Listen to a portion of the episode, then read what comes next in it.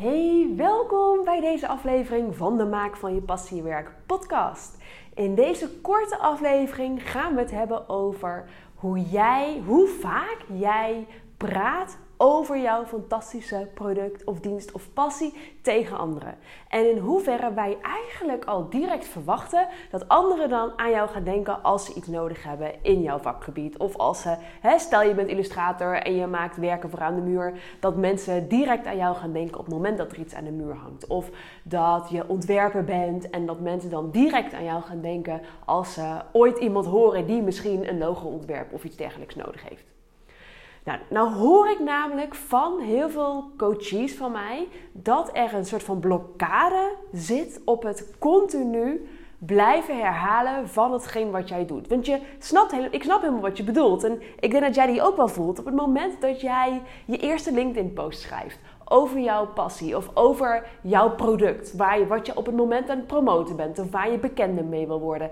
En een week later schrijf je nog een LinkedIn-post. En er komt misschien niet heel veel reactie op, maar hè, je schrijft hem toch maar. En dan denk je, ook ga het ook gewoon delen op Facebook. En, en, en, en dan deel je het en daar krijg je misschien wel vier likes, maar dat zijn dan vooral familieleden en wat close, dichtbijzijde vrienden die, die je natuurlijk supporten. En dan denk je, ja mensen reageren niet. Moet ik het dan echt nog een keer gaan delen op LinkedIn? Of moet ik het echt nog een keer gaan zeggen tegen mensen? En mijn antwoord hierop is ja. Volmondig ja. Het is namelijk zo dat mensen tussen de, nou, ik weet niet wat de laatste statistieken zijn, maar eh, daar wordt natuurlijk continu onderzoek naar gedaan. Uh, maar de laatste keer dat ik het las, was tussen 7 en 50 keer moeten mensen van jou horen, willen ze überhaupt aan je gaan denken voordat ze jou aanraden als iemand erover praat of over iets wat in jouw vakgebied zit praat. Of voordat, stel jij hebt een, uh, een, een product dat je wil verkopen of een dienst die je wil verkopen en jij blijft dat maar zeggen op social media en dat komt dan voorbij. Na vier keer dat gezegd te hebben, denken mensen nog niet aan jou. Daarvoor hebben ze die reminder, die herinnering, veel vaker nodig. En het is zelfs zo bij gratis producten. Want ik weet dat sommigen van jullie ook werken met weggevers. Misschien heb je een e-book geschreven waarmee je hoopt je klantenkring of je potentiële klanten, klantenkring uit te breiden, je netwerk uit te breiden. En zelfs voor het downloaden van een gratis iets moeten mensen tussen de 7 en de 50 keer iets voorbij zien komen voordat ze die stap nemen om op die knop te drukken. Nou, de eerste keer dat ik dit zag, viel ik zowat van mijn stoel. En daarbij heb ik nog een feitje voor je. Het is namelijk zo, uit onderzoek is gebleken, dat mensen jou pas irritant gaan vinden nadat jij zeven keer direct tegen hun hebt gezegd: Hé, hey, luister, dit is mijn vak, dit doe ik. Pas dan gaan mensen je echt irritant vinden. Dat wil dus zeggen dat je sowieso zes keer hebt om daar gewoon casual over te beginnen. Om, dat, om daarover te beginnen in een, in een verpakt, in een leuk verhaal wat je hebt meegemaakt. Een anekdote, een ervaring met een klant. Je hoeft niet continu te zeggen, joe, dit ben ik, koop dit. Nee, je kunt ook gewoon vertellen over wat jij vorige week met een klant mee hebt gemaakt. En dat je daar toevallig aan moest denken en dat je dat wilde delen. Want ook dan deel je jouw expertise.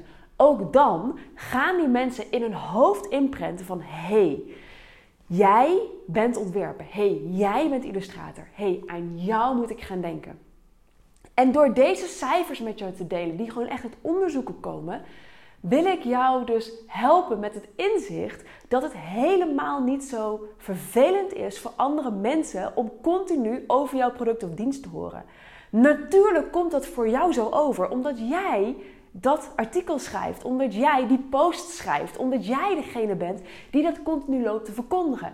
In jouw hoofd speelt er niks anders af, speelt er zich niks anders af dan datgene wat jij doet, omdat dat hetgeen is wat jij groot wil maken.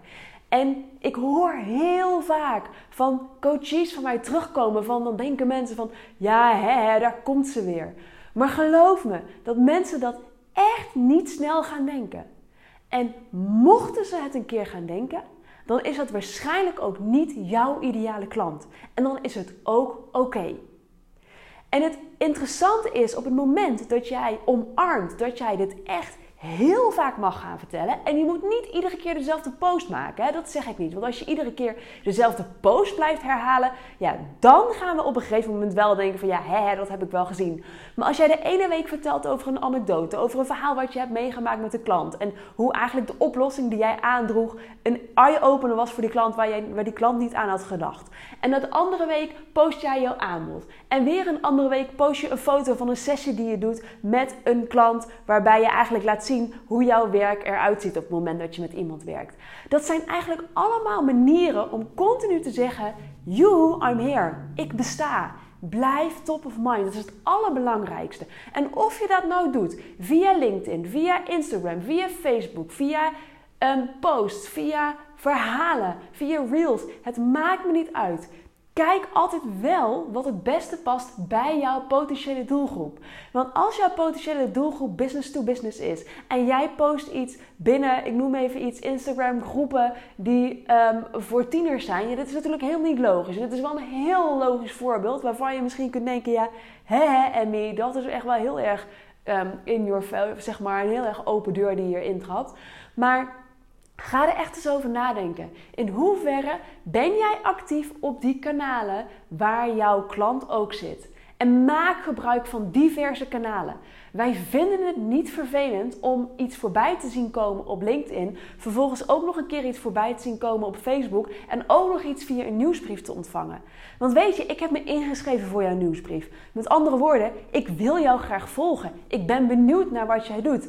Het feit dat jouw post naar voren komt in mijn Instagram wil zeggen dat ik dus regelmatig naar posts van jou krijg. Want kijk, want zo werkt het algoritme van Instagram. Instagram zorgt ervoor dat ik de dingen zie die ik interessant vind. Dus wees alsjeblieft absoluut niet bang met het delen. En ook al heb jij het idee van, mijn god, ik heb dit nu echt al 500 keer gezegd.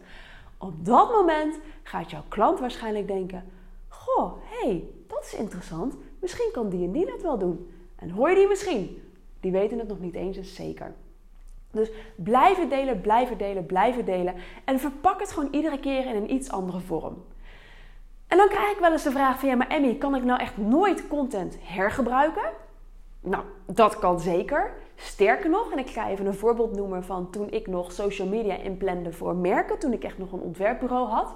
Ik heb een hele tijd gewerkt voor een brillenmerk en ik beheerde zowel hun Instagram als hun Facebook, omdat ze beide kanalen actief wilden zijn. Op beide kanalen zaten klanten van hun, alleen waren de klanten, ja, de doelgroep of de, de leeftijdscategorie van de klanten was op Instagram wat lager dan op Facebook. Dus ze wilden wel op beide kanalen actief blijven. Nou, en toen heb ik, hebben we dus tests gedaan met: oké, hoe nuttig is het om alle posts continu uniek te schrijven? Of, hoe, of kunnen we dat ook op een iets andere manier doen? Namelijk, kunnen we posts hergebruiken? Want er zijn natuurlijk ook mensen die je zowel op Facebook als op Instagram volgen. En ja, je wil niet dezelfde post voorbij laten komen. Nou, en hoe ik dat toen had gedaan, ik zorgde er altijd voor dat ik een maand van tevoren alle posts schreef en alle posts de afbeeldingen, de, de beelden erbij verzamelde en zorgde dat alles ingepland was. En ik wisselde de volgorde om. Dus hetgeen wat ik in het begin van de maand op Facebook postte, postte ik aan het eind van de maand op Instagram. En vice versa. Begin van de maand Instagram was eind van de maand Facebook. En in het midden husselde ik het een beetje door elkaar. En het leuke is, en dan gaat het echt over herkenning, je merkt dat als mensen iets voorbij zien komen op Facebook en misschien twee weken later hetzelfde voorbij zien komen op Instagram, dan gaan mensen niet denken van ja, maar hé, hey, dat heb ik toen ook al op Facebook gezien. Nee, want zij weten toch niet meer exact hoe die post eruit zag. En die, die kunnen, dat is namelijk, niet iedereen heeft zo'n fotografisch geheugen dat je dat kunt onthouden. En daarbij, al heb je dat wel, waarom is het nuttig om dat überhaupt te onthouden? Maar het enige wat je wel bereikt, is dat mensen denken: hé, hey, ja, zoiets zag ik ook op Facebook voorbij komen. Hé, hey, wat interessant. Ik plaats het nu nog een keer in mijn context. Ik plaats het nog een keer in mijn leven. Wie weet kan ik het nu wel inzetten in mijn leven. En op die manier hebben wij echt in zeer korte tijd voor best veel naamsbekendheid gezorgd voor dat brillenmerk. Zonder dat ik continu nieuwe posts ging schrijven voor de verschillende platformen. En natuurlijk is LinkedIn, de taal die je op LinkedIn gebruikt, iets anders dan de taal die je misschien op Instagram zou gebruiken. Maar tegelijkertijd heb ik een tijd geëxperimenteerd met posts die ik op Instagram schrijf en die direct kopiëren op LinkedIn, waar dus af en toe een emoji of een smiley of iets bij zit. En je ziet gewoon dat die posts waar die smileys bij zitten, op LinkedIn vaker gelezen worden dan posts waar die niet bij zitten. Omdat het opvalt. Omdat je je kopie boven het maaiveld uitsteekt. Dus ga daar ook lekker mee experimenteren. En wees absoluut niet bang voor herhaling. En wees ook absoluut niet bang om dingen her te gebruiken.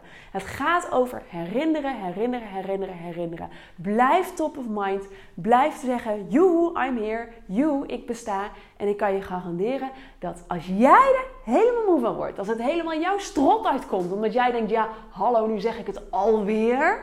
Dat is het moment dat een ander gaat denken, goh, wat interessant.